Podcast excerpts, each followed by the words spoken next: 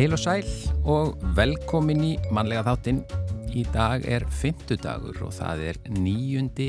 februar. Já, og það var einmitt þennan dag, 1916, að félag íslenskra botnvörpuskipa eigenda var stopnað. Já, svo var þessum degi árið 1964 sem að býtlarnir komu fyrst fram í það Ed Sullivan Show í Bandaríkjanum. Þar með bara sigruðu býtlarnir Bandaríkin og, og stóran hluta heiminum. Já, 1984 bankarán var framið í útibúi Yðnaðarbankans í Breitholti. Maður með lambúshættu rændi rúmlega 300.000 krónum og hann hefur aldrei náðust. Já, það hafa nefnilega verið einhver bankarán hérna sem hafa aldrei náðust þeir sem að frömduðu. Þannig að lambúshættan getur komið sér vel. Ég skal segja þér. Fyrsti þáttur spaukstofunar var síndur í ríkisjónarspinu á þessum degi árið 1987. 2003 Ingeborg Solrún Gísladóttir helt fræga ræðu í Borganesi þar sem hún gaggrindi afskipti Davís Ottssonar af viðskiptarlífinu.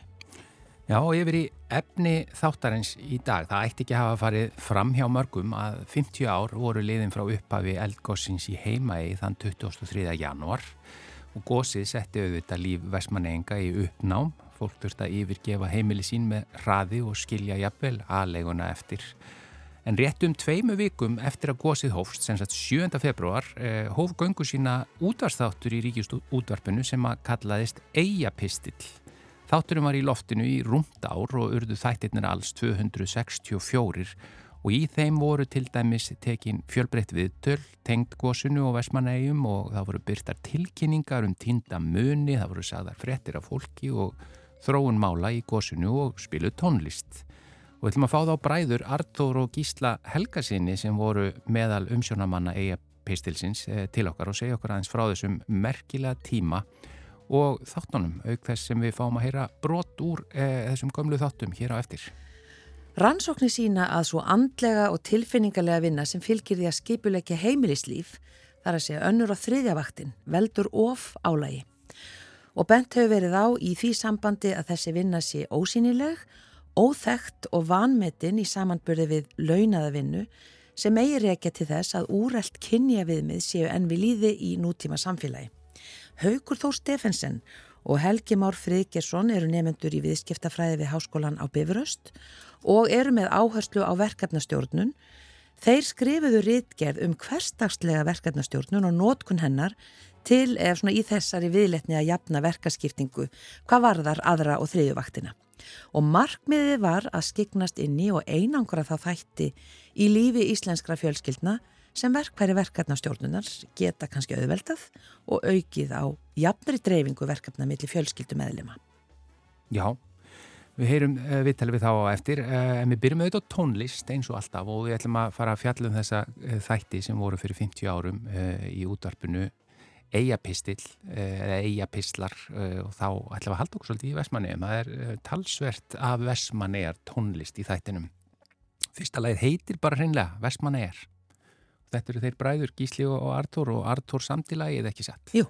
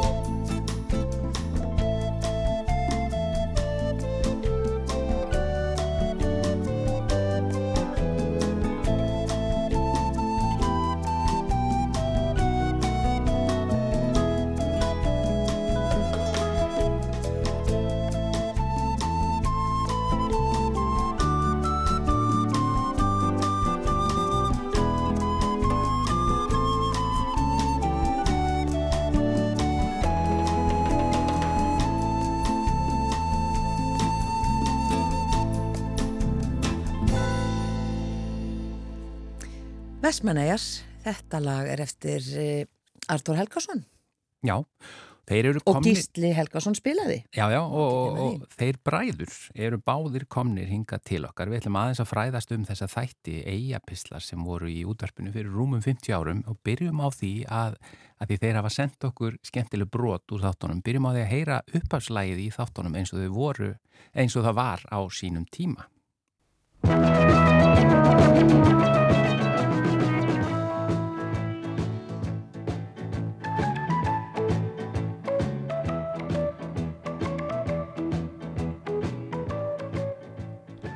Kvöld, þetta er Eyjapistil.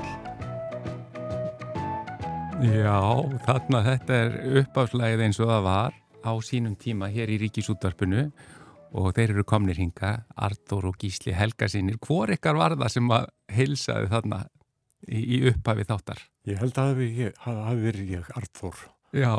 Og uh, þá voru við nýbúinir að eignast þetta lag og það heila fór allt á annan endan þegar við ákvaðum að gera þetta að, að upp, uppafstefi þáttarins og Af því að þetta var svona poppuð útgáfa. Þetta var poppuð útgáfa.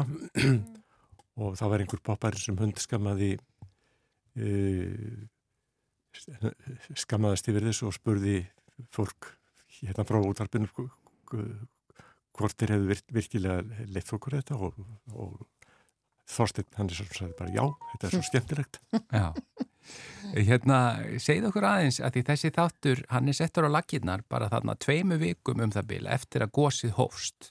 Segð okkur aðeins frá upphafinu á þessum þáttum og hvernig það kom til að þið uh, lendið því að stjórna þeim? Þetta var þannig að hérna, við vorum búin að heyra auglýstan eigapistil sko líklega í fyrstu viku goss eða þannig og hann fjall alltaf niður nema svo hindi Magnús Bæjarstjóri og spurði hvort að við varum til í að koma fram í eigapistil með eitthvað efni og það var alveg sjálfsagt Já. og þetta var 5. februar og svo hindi Stefán Jónsson og spurði hefur Magnús talað við ykkur og, og, og ég sagði hann hvað Magnús hefði sagt Og þá segir Stefán, já, Magnús er dálta rugglaður eins og allir því versmanniðingar eh, upp á síðgastíð, en frá og með morgumdeginum eigi þið að sjá 15 minna langa þátt sem heitir Egapistill og ég öskraði bara, þú lígur þessu Stefán, nei, það búið ákveða þetta. Og þið fáðu alltaf hjálp sem þið þurfið, þið verður svona cirka tvo tíma daga að vinna í þessu. Og við sjáumst á skólu kvöldu fjögur klokkan, nefn klokkan eitt á morgun. Og svo bara skjált hann á. Vá, þannig að ykkur er bara kastað úti, ég minna þið eru á þessum tíma, hvað eru þið gamlir þarna? 19, 19 ára, Já. en það verður, sko, Gíslim lítur mun eftir því að Stefán sagði bara reynd út að þetta væri þegn skilda Já. og okkur væri skild að líta þessu og annars myndu við eiginlega bara hljóta verða af. Nú. Nó, það er aldeilis. En ég myrna, hvernig var þetta og hva, hvað var efni þáttarins? Hvað var svona helst verið að koma til skila í þessum þætti? Það var ímislegt við náttúrulega lögðum á að sláði að, að vera með stjæmtefni eins og til og með Stefán Jónsson uh, saði þessu af því að, að það var hérna gammal stifstjóri sem kom til tallagnis og tannlagnerinn Sverrir hann skoðaði gerði tennunar í jónum og þá kom við ljós að, að hérna tannsmiðun hafi sett hérna segulstál í, í hérna kæftinum til að leta bitið eftir sem hann sagði mm. og þegar Sverrir sér þetta þá segir hann, heyrðu, það er segull í tónanvinnum og þá ríkur stiftur út og sér segull, segull, þannig komið styrikinn á því. Það, það er alltaf kompás skekja í bátnu hjá mér. Síðan voru það tilkynningarnar sko, sem við eh, byrtum og þetta voru alveg ótrúlegar tilkynningar sem við eh, byrtum Já. eins og til dæmis maður sem auðvist eftir svörtum plastpoka með rúmfötum, botlastelli, sultukrökkum, nærbuksum og norskri biblíu. Já. sem var allt saman í þessum boka. Já, en sko, menn hlæja þessu núna, þetta er náttúrulega alveg drepp fyndið, en þetta var ekki fyndið á þessum tíma. Nei. Hérna var fólk bara að týna hlutunum sínum og... Og eins hérna konan sem auðlist eftir lampa sem fór á sínum tíma frá Vestmanniðum til Þólagsafnar, hún hafði ekki fengið hann. Og ég man eftir því að, að hérna, stifstjóri ringdi í mig alveg eðilaður og sagði þetta hefði verið svo stór lampi að hann hefði komið honum sko fram til kvalbak þar sem hann held hann nýrið varinn en svo fær báturinn á sig brotsjó og lampin möll brotnar og Já. hann sagðist geima brotin ef hann vildi fá því frekarinn uh, hérna ónýta lampar Já, þannig að alls konar svona sögur en mér dettu nú í hugð að þessi tveir klukkutíma sem Stefán sagði að myndi taka í undibúning hafa nú orðið tölvist fleiri, er það ekki? Var þetta ekki heljarinn að vinna?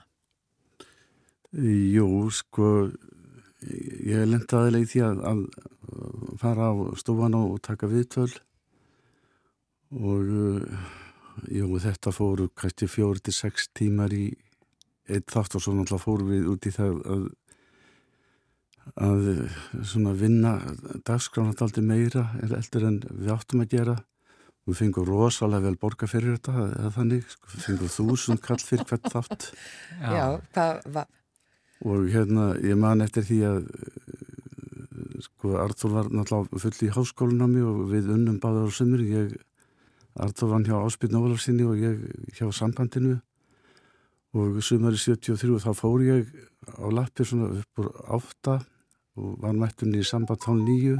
Mm og uh, fór nýri útvarp í hádeginu og, og vann þar og uh, fór svo aftur hálf sex og sendi stundum þættina beint út þannig að þetta voru svona 15 tímar á dag Já, einmitt. Eða heyra eina glefsu? Já, við erum með sko í rauninni, já, þetta eru svona þrjár mínútur þar sem maður heyrir aðeins í ímsa hluti sem að komu fram í þáttunum hlustum á þá og svo höldum við áfram að spjalla við þá bræður Artur og Gísla Helgasinni Orðsending til Guðjón Skuðnarssonar, mótorbátnum Lunda frá Vestmannum. Hann er beðin að ringja til foreldra sinna strax. Þau eiga heima á Þrúðvangi 24, Hellu, Rangárvöllum.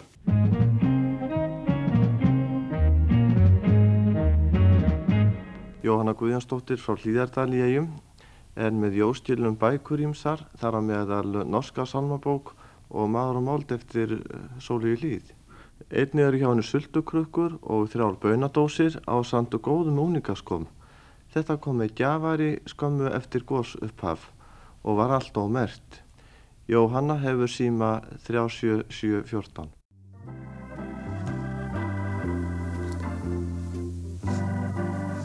Og þá er ekki annað eftir en að minn ykkur enn á heimilsálgi, það er Eyjapistill, Ríkisútarpinu skólagötu fjögur Reykjavík og símanúmerin eru 34086 og 12943 og þá er ekki fleira í kvöld. Verðið sæl.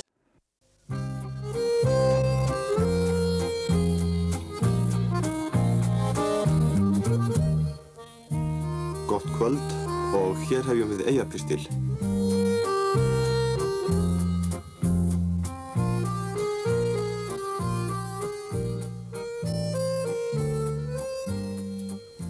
Nú við að gera svo litla tilvun með því að byrja á tilkynningum og, og lesa þær í belg og byðu. Ægir Raffn Ingólfsson hafði samband við okkur í gær og saðist vanta í dót sitt hansaskáp með mikilvægum pappirskóknum. Einnig vantar foreldra hans kassa með silfurborbúðnaði og í þeim kassa var lítill dekkkassi sem í var stór kjöttgaffall og eh, Silfur Spaði. Sennilega hefur farangrinum verið skipað á land í Tjaflavík og ef einhver vissi um áðurgreinda hluti þá hafi sá hins sami samband við Ingólf Mattiasson í síma 2-33-32. Guðrún Pálsdóttir, Hásteinsvegi 8, Vestmanægjum, byður þann sem tóka sér dót þennar að senda það að ekru á Rángarvöllum og þá aðalega rúmfötinn. Dittu Kristjáns, búastaðabraut 8 Vestmannegum, vantar svartan plastpoka, en í honum eiga að vera meðal annars tveir síðir kjólar, pils, greiðslusloppur og skartgripir. Finnandi er vinsamlega speðinum að ringja í 31491, 31491. Já, það er ímislegt. Eins, eins og þið heyrið að þá er þarna skráf á milli og það er vegna þess að ég las þetta náttúrulega af með af blindraletri. Já. Gaman að heyra það. Já, Já. ennvitt. En það, hérna, þetta hafi verið marga tilkynningar og fólk svona bara emitt í að verið að uh, missa sjónar af sínu dóti hér og þar. Sko, mér fannst tilkynningin um þannig strákin á Lundavaffi daldið dæmi gerð. Sko, náttúrulega fórallarnir voru fluttir og þau vissi ekki hver strákunum var út á sjó og hann vissi ekki hver þeir voru. Þannig að eina leiðin var að senda tilkynningu í ægjapistil og láta vita því hver þau væru því að það voru náttúrulega engir farsíma eða internet eða neitt til á, á þessum tíma. Já. Og þetta ég menna, þessi þáttur fyrir náttúrulega auðvitað sérstaklega fólk úr eigum sem að bara lífið fór á kvolf við þetta gós. Þetta hefur verið gríðarlega mikilvægur, bara samfélagslegur þáttur fyrir þau. Já, ég gerði mér ekki grein fyrir því að sko, við náttúrulega auðlistum símanúmerið okkar 12943 og það var hringt á öllum stundum. Var, ég man eftir því að það rýndi kona sko um það leiti sem raunflóðið hljóp og, rústaði þarna hverfinu þarna á urðunum þá rýndi kona í mig og Sæst er að stöld með nokkuð börn upp á landi og, sæði getur ekki komið þá til og að við þessar helvítis eigakjallinga verður bara skotnar á færi því að maðurinn minn er út í eigum að sinna björgunumstörnum og svo bara fjallun í hágrátt og mm. ég vissi ekkert hvernig ég átt að leiðisa úr, úr þessu og Artur hefur örglega lengt í öru eins. Já, mannst eftir einhverju svona Artur? Já, ég minnist þess að það ringdi til mín ónæmt kona sem saði mér sínar farir ekki slettar og hún var eftir því sem hún sagði í lítilli íbúð sem hún hefði verið þá í, í halvan mánuði eða mann rétt á samt dóttur sinni og, og hún tilkynnti mér það að að, að mundir sennilega fyrirfara sér ef, ef hún fengi ekki einhverja sem sætti lagfæring á þessu. Þetta var mjög langt samtal og það endaði með því að, að við kvötumst nú með kjærleikum og, og ég hindi beinanleið í, í, í Rauðakrossin og greindi þeim frá því hvaða mannski þetta væri og, og að þú væri í svona heldur hættulegum uh, fyrirgeðin voru Alzheimer sem er að mm. stríða mér. Bara hættulegum hugleðingum hugleðingum, já, já. fyrirgeðin og þetta og það var síðan hringt til mín ef ég mann rétti daginn eftir og mér sagt að þarna hefði í raun og veru hörð skolliðnari hælum. Já. Þannig að það er ekki nómið að því að vera að taka móti bara svona praktískum tilkynningum heldur því að vera bara nánast í, í sálfræði hlutverki í, í símanum. Já, það lág við, sko, ég, mér fannst ég vera bara eins og, svona, eins og pottur sem menn gáttu sullað í. Já. Þetta var eiginlega svona mín upplifun af þessu og þetta var mjög oft þrúandi að, að, að þurfa að taka á mótu þessi, þessum samtölum og reyna að róa þá sem, sem voru á línunni. Já, ég geti ímyndað með það. Nefnilega hafði, svona, það var ekki mikið talað um þetta, þetta andlega, þetta andlega álag. Jú, það var nú reynda taldið gert í því að, að, að ræðarsluti og, og náttúrulega prestarnir, sér að Karl Sigurbjörnsson og, og sér að Þorstil Lútir, þeir náttúrulega reyndu það sem þeir gáttu, þeir náttúrulega hafðu þekkingu til þess, mm. en ekki við pegar. Nei. Alls ekki. En þeir voru sko líka tókuð viðtöl við fólk, ekki bara tilkynningar og svo sögðu mér að þið hefur verið að flytja að náttúrulega talsetta tónlist og þið gerðu svolítið í því að vera smá prakkarar í því að flytja tónlist sem að jafnvel mátti ekki flytja í ríkisútvarpinu. Já, já, við sko, við byrjuðum á því að lýsa því yfir að nú loksins var Vestmanni eitthvað komið með frjálst útrapp og við ákvaðum það bara að fara okkar fram og ég man sérstaklega eftir því að, að þegar hérna menum eftir bokkarinni kom poppaður þá náttúrulega var það allt vittlust og eins þegar ég fór fram á tónlistadelt til Ingi Berga Þorbergs vinkonu minnar að ég gæti flett upp í henni eins og spjálskrá og þá komum við að finna fyrir mig lægið ég kokkur á gútið frá sandi Já. ég var kjáft svo hvern einasta dag og ekki líðið mig betri landi eða í landi við konni í slag og svo leiðis og Ingeborg segi, heyrðu, það má ekki spila þetta það var bara banna og ég sagði, ég ætla að fá þessu plötu mm -hmm. og ég fer með hennar inn í stúdjó mér minna að það er Þorbjörn Sigursson teknum og þá var búin að krota með hérna gullri krít sko frá miðinu og mörg stryk og henni plötun og við spiliðum okkur niður úr plötunni og gáttu þannig hérna fluttið í útvarp. Og ég var með fullt af plötum sem var bannað að spila. Svo erði ég þetta í morgun útvarpinni hjá Jónu Múla því hann kom alltaf inn í herbyggj og stál plötunum frá mér og neytaði að stila þeim og ég hótaði hann því að ef ég fengi ekki plötuna mínar þá myndi ég lána Pétri Pétursinni hans plötur. Og þá sagði Jólbóli er þú ekki lána Pétri hann verður svo djöfull illa með plötur.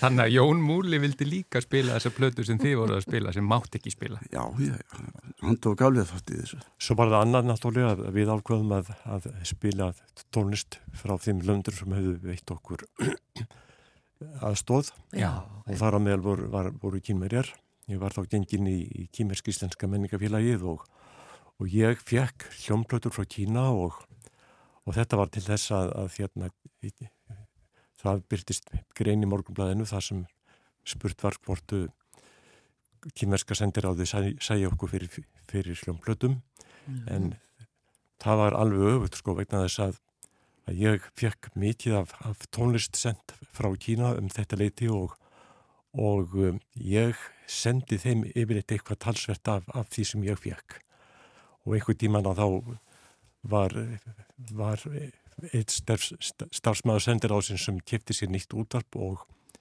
og um, uh, hann ákveða að sína fjölugum sínum hvernig svona lítið útvarp virkaði og kveikt á því og þá kom náttúrulega bara bam bam bam bara bara bam bam bara bam bam bam sem var sem upphafið af kýmeskulagi og eftir það hlustaði tímerska sendiráðið alltaf að eiga bestil.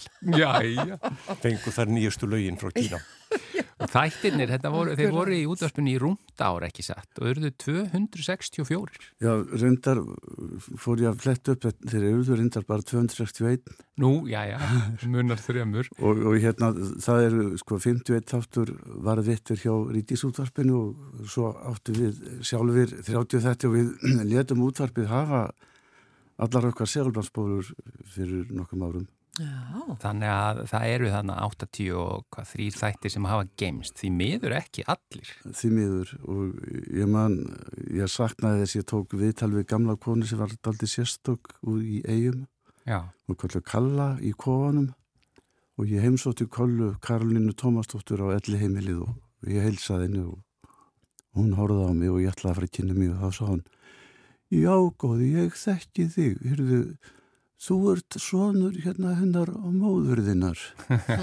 Ætlaði að segja sonur frúarinnar, af því að hún kallaði með mig alltaf frú. Já, já, já.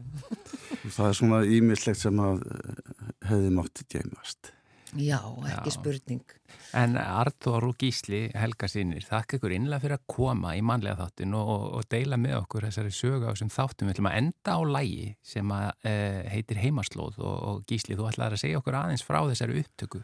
Já, sko, þannig var að við gáum út plötu í góðsunu, við stóðum fyrir því Artur og Árandi Jónsson og fleiri og þar söng ási bæ Heimaslóð eftir Alfred Washington Þorðarsson Vosa mm -hmm. Vosi og, og, og síðan eh, hérna kom þetta út og, og ég er með upptöku frá því að Ási var sjötugur og þá eh, hérna var haldið hinn mikil amalisveisla því að Ási kom til mín og saði mér ekkert í mann ef ég verð sjötugur þá vil ég halda grand koncert í Norrnahúsinu og menn mega alveg vera hæfilega edru og svo hitt ég hann í þjólikustjallar og hann kom að kildi mér maður og sagði, lánaði mig 500 kall 27. februar ammali haldt upp á það og við átni Jónsson smöluðum saman fólki og, og þetta varði eitthvað dýrlegasti koncert sem ég hef tekið þátt í og ammali salt og þarna spilaði Artur Mellans á píjanu og, og Ingi Gunnar Jóhansson og fleiri á gítara og á blokklutur og þarna heyriði sko hvernig fólk bara tók undir allt Norrannahúsið söng. Við skulum heyra það, þetta er lægið heimaslóð uh, og Ási Bæ er forsöngari, eða ekki? Jú, Ási er forsöngari og allir hinnir, 150 Já, Arþór og Gísli Helgarsinnir Takk fyrir komuna og, og takk fyrir að segja okkur frá Eija Pislum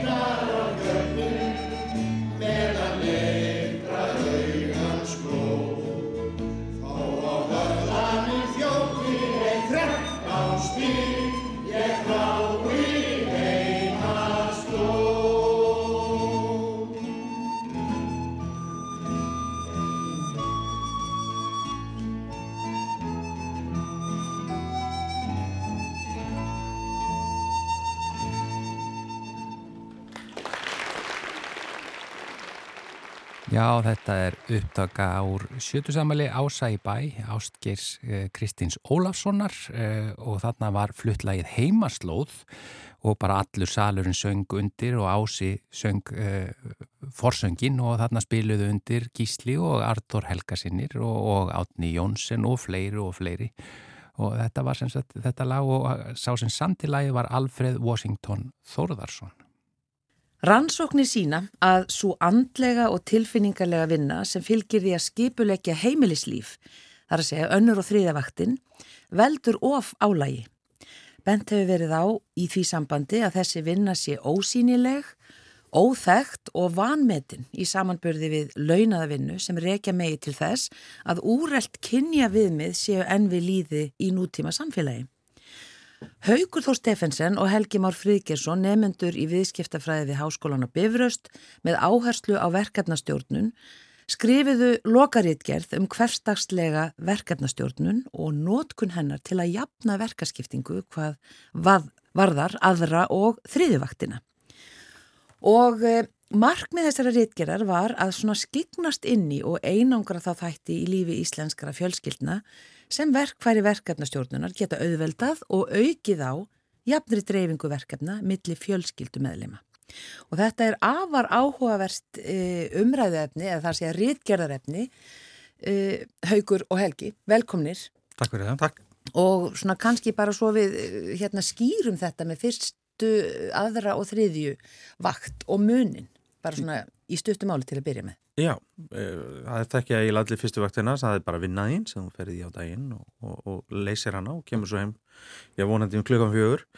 Önnur vaktin er allt umstangið svona líkamlega umstangið uh, þrýfa heima uh, fara og sækja krakkana fara í búðina og gera hluti og meðan þriðjavaktinn og sem er svo sem fellir mest á konur er að andlega álægið kringum það að muna að gera hlutina muna eftir að jóa frænka og ammali og við þurfum að kaupa gjöf eða þú veist, það er barna ammali í, í, í skólanum og það er að græja það fara með, þú veist, mun eftir að fara með krakkanæfingu, mun eftir að kaupa í mati utanumhald utanumhald og þá basically verkefna stjórnun eða þú veist, þannig sko. mm -hmm. að skipulegja hlutina og mun eftir því því að við kallpenningurum er, erum svolítið svona kærulusir með allt sem að snertur okkur ekki alveg beint sko.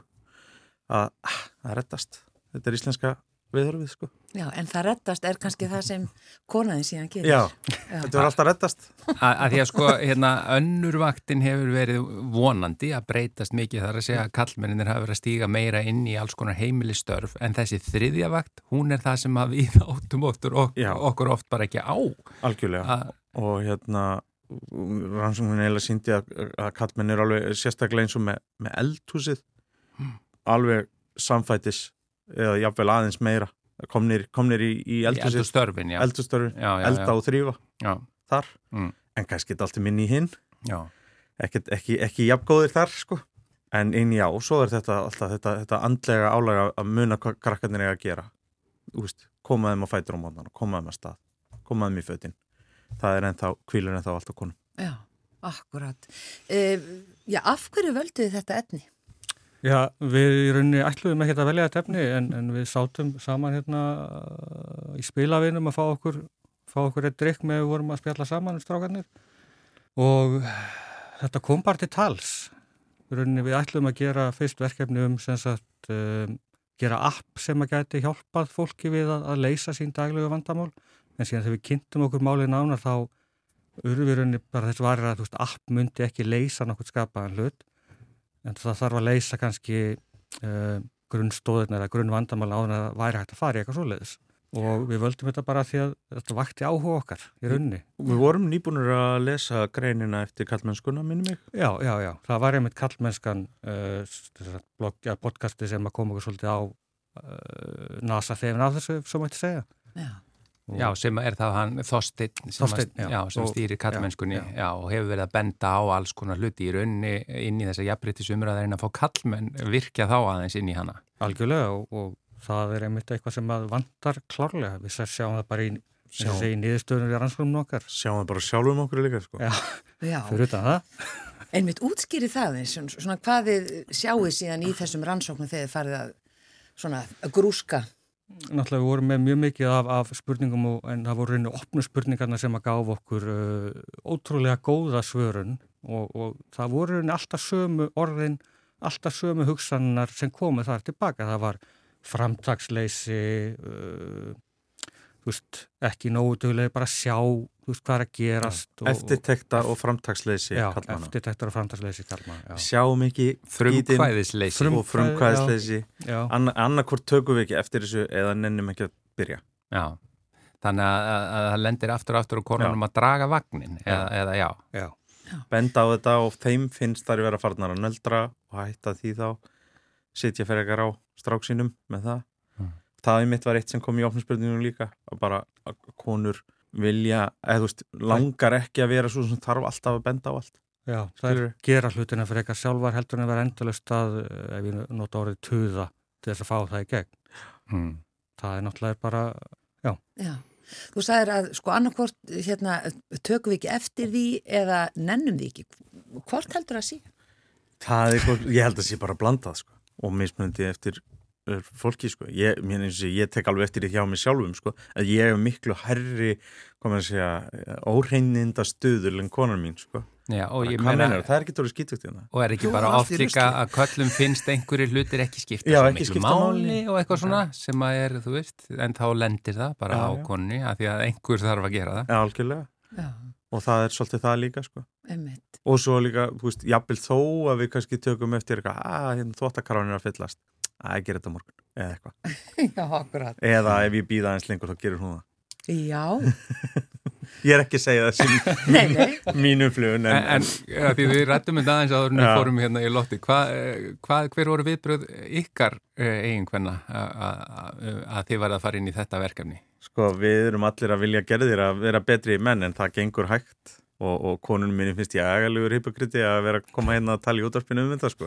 Sem er alveg skiljanlegt að tveir, tveir miðaldra kallmenn séu að tala um tala um uh, að halla konur í, í, hérna, í heimilstörunum sko. og, og eru svo ekki betri í því sjálfu sko. En ég minna að þið hafi vantanlega eh, lært talsvægt mikið á þessu já, og, já. og þannig að vonandi En, en, en greinileg ekki nóg að hennum mati. Já. En það er til að koma, þetta er skrefið rétt á Þetta er, já, við erum að reyna. Kosti, eh, Kom það ykkur á óvart svona þetta hlutfalla því að mér fannst ég lesa svona í gegnum rítgerna því hefðu kannski reikna með að að svona ástandi væri betra á Íslandi heldur en annar staðar því hér þykir ríkja eh, gott í aðdrétti? Já, það var raunin það sem við sáum að, að þú veist, ef þú horfir á allar ofnbæra tölur eh, þá er Ísland mjög framalega hvað jafnrétti varðar og þá er aðalega sem sagt verið að horfa á hlutfall hvenna sem að taka þátt í atvinnlífinu. Það er svona ákveðin merki um jafnrétti. Uh, en um leið og þú kemur inn á heimilið þá er eins og það sé ekki til staðar það er svolítið falið og í rauninni líka á vinnumarkaðunum að vissuleiti hvað varðar hérna þessi svo kvöldu hvenna störf uh, þar sem er mikið álag störfin eru líkamlega og andlega uh, erfið og í rauninni þegar þau koma svo heim uh, þessi starfsmenn eða í konur þessum tilfellum mm. þá tekur bara við önnurvaktin, það tekur við þriðjavaktin og jafnvel þó að það sé kallmaðurinn á heimilinu þá vissulega hefur það aukist síðustu árin samkvæmt rannsóknunum allavega þeir, þeir taki þátt í eins og Helgi myndist á hérna áðan með að þeir eru duglir í eldúsinu og þrýfa eldúsi og sjá það sér í lagi mm. en þá ertu líka svolítið bara búin að egna þér ég sé nú um eldúsið, ég sé nú um að elda, ég er, er alveg að gera eitthvað. Já. Ég sé nú alveg um að fara gaman. með... Já. Ég sé nú alveg með að fara með bílinn einu svona ári í ólíuskipti, skilu, það er alveg eitthvað. Já, já, enda, enda að, að þegar við fórum að skoða sko, hluti fyrir utanheimilið eins og hver sér um bílinn og hver sér um pallinn og eitthvað svoleiðis, þá var það allt kallastörf, sko. En það er bara svo lítið af heildarmyndinni að það er ekki, já, ég er úrslega dölur í þessu. Það er bara 15% af öllum störfunum, sko. Eitthvað sem það er, sko. Já, já. Því, þú getur alltaf valið, þú getur farið með bílið inn í smörningu 3. desember klukkan 8 en þú þart að fara með krakkana í skólan hver með þess að degi klukkan þetta þú þart að sækja þá alltaf í æfingar á þessum tíma og þá ertu svolítið búin að festa í rauninni þannig aðila sem er á annari vaktinni uh, bara í þessum störfum meðan hinn aðilin er þá meira frjálsari og sér þá kannski ekki hvert vandamálið er Já. Akkurat, ágættis punktur. Mm. E, svo er það svona hvaða áhrif þetta hefur bara á sko, samfélagið, af því að þið eh, nefnir þarna að þetta veldur of álægi á konur mm -hmm. og, og hérna, sem við sjáum alltaf kannski meir og meir í svona okkar samfélagi. Hvernig sáu þið þetta?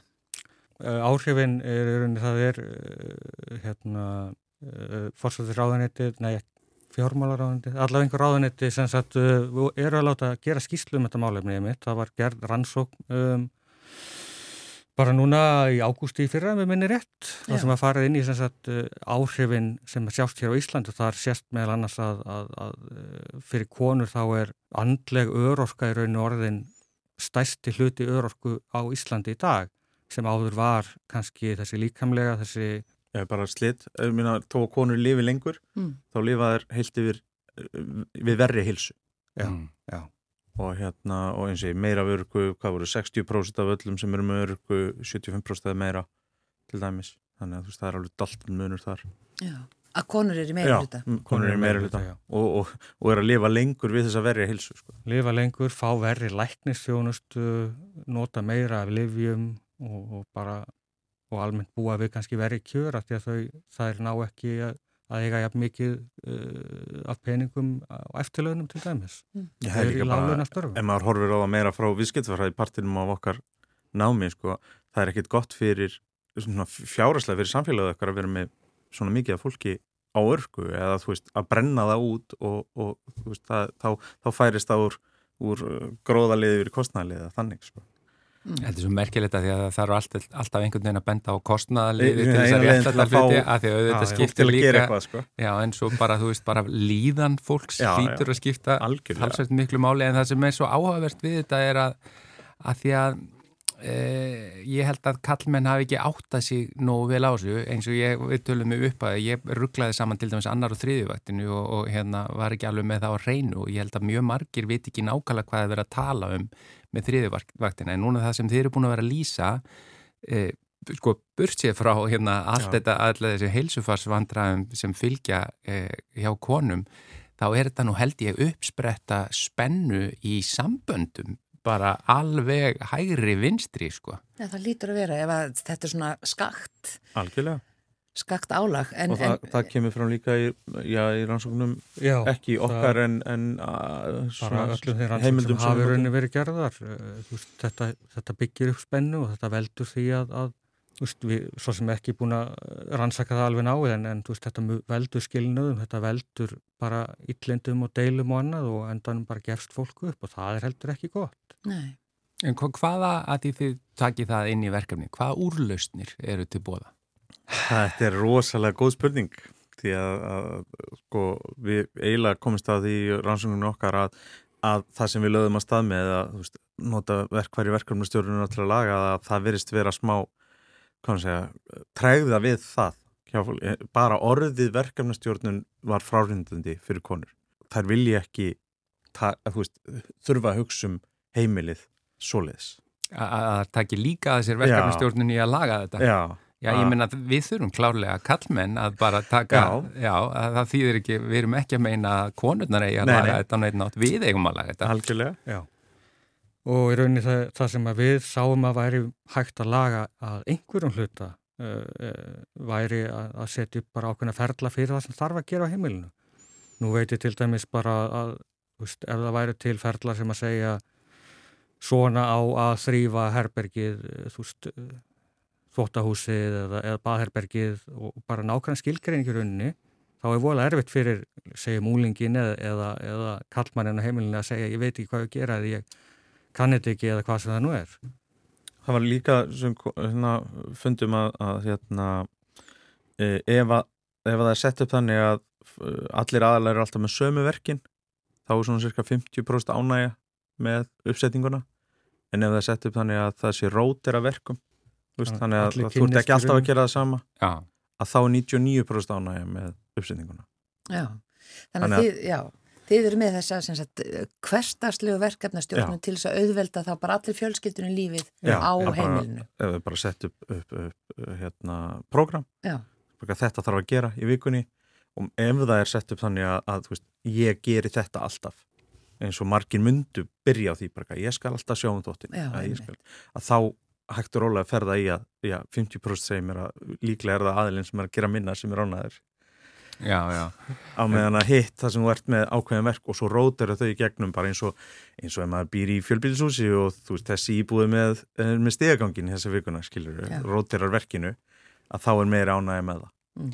Svo hlýtur að skipta miklu máli bara reynlega umræðan, það er að segja opna umræðana fyrir þetta og fræðslan að því að ég held að, að kallmenn hafi bara ekki átta sig á þessu álægi sem að e, lendir á konunni í þessu tilvelli og, og hérna ef að við áttum okkur á því þá hlýtur það líka breyta einhverju eða vonandi. Algjörlega.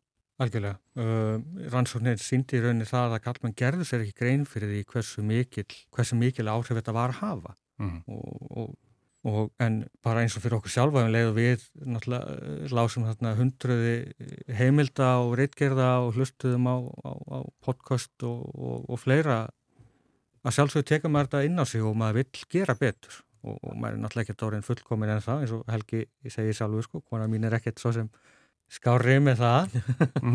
En uh, þær eru náttúrulega búin að vera mjög döglegri að styðja okkur og við sjálfsögur viljum bara halda fram að styðja þær með því að stíga inn í og við ætlum ekki að segja, við ætlum ekki að vera að hjálpa þeim að því að ef við nótum orðið hjálpa þá erum við raunin að segja að þetta sé þeirra ábyrg en við getum komið og hjálpa þeim ef það er mikið að gera.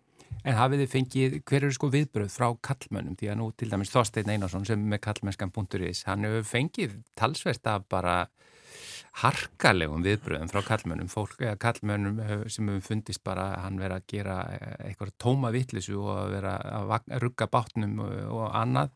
Hva, hver eru viðbröð? Sko allavega þau, það er samtölu sem ég hef átt við vini mína á hann að það er yfirleitt, sko, er það fyrsta sem kemur upp er bara vanþekking eins og við vorum að tala um áðan vissi ekki munin á hvað er önnur og hvað er þriðjavaktin mm -hmm. bara, veist, og tala ofta mikill í hérna, hvað maður segja staðhæfingu um hluti sem að þeir höfðu svo ekki rétt fyrir sem með sko. bara vannþekkingu í vannþekkingu og mjög harðir á því, nei, nei, þetta er svona þá kallar maður sínir eða maður sko. og hérna, þannig að það er aðalega það, ég held að, held að það sé bara mikil vannþekking um þetta en við kallmenn oft mjög harðir á því að við vitum þetta samt sko. Akkurat, já. Ég bara það er bóða erfitt einhvern veginn að koma inn í þetta og segja. Kallmennin er að tala sko. Já, ég veit að ég er svona bara kannski meira búin að vera að hlusta og svona heyra hvernig þið talið um þetta. En já, þetta er áhugavert og bara öll, öll skref til betri vegar eru, eru góð og hérna, og það þurfa bara einhvern veginn allir að taka þessa þriðuvakt. Algjörlega. Það er já. bara þannig. Ég held að sé, að því þú varst alveg stúm hérna Guðrún, Já. ég held að þetta sé nefnilega undir því komið að við kallmenn vöknum bara og, og áttum okkur á þessu og gerum eitthvað í þessu. Já, algjörlega. Já. Alveg eins og bara með batna uppeldi á sínum tíma, það kannski ekki komið alveg í 50-50 en það er tölvur munur á bara frá því ég er allast upp og þangti núna og hversu mikið kallmenn eru með í því mm -hmm. og þetta er bara vonandi heldur við áfram bara á sömu breytu og þetta lagast en við þurfum að hissja upp um okkur. Haugur Þór Steffensen og Helgi Már Fríkjarsson nefnendur í viðskiptafræði við Háskóluna Bifröst með áherslu á verkefnastjórnun. Takk kærlega fyrir komuna. Takk kærlega fyrir okkur.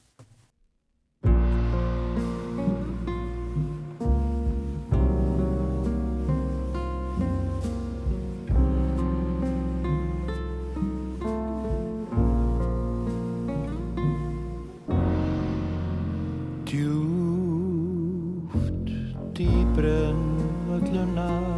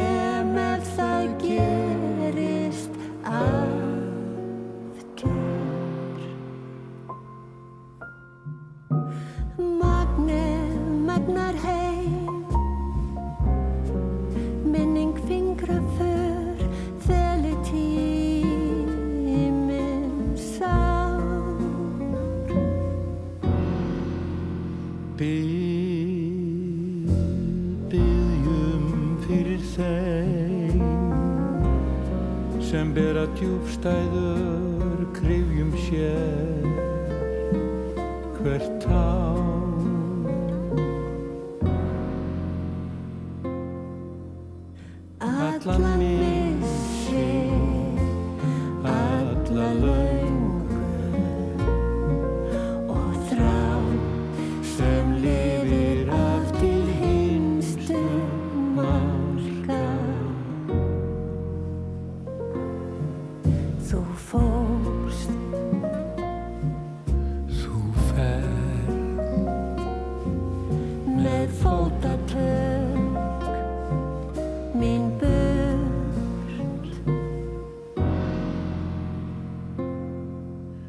og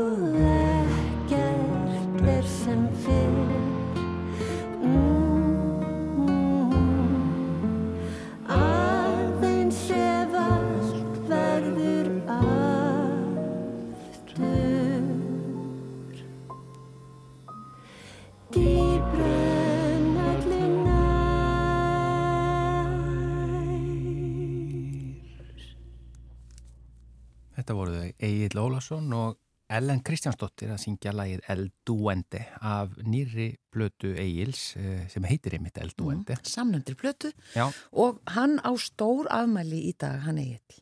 Já, hann er 70 í dag. Og sko honum hjartanlega til hamingju Já. og til hamingju með þessa nýju plötu. Já, hann náttúrulega lag og texti þessa lags var líka eftir hann. Eh, en þetta var lokalagið í þættinum í dag. Já, við bara heyrumst aftur á morgun, kæru lustendur, á förstu degi. Já, förstaskestur, matarspjall og ég veit ekki hvað og hvað. Takk um samfélgina. Verið sæl.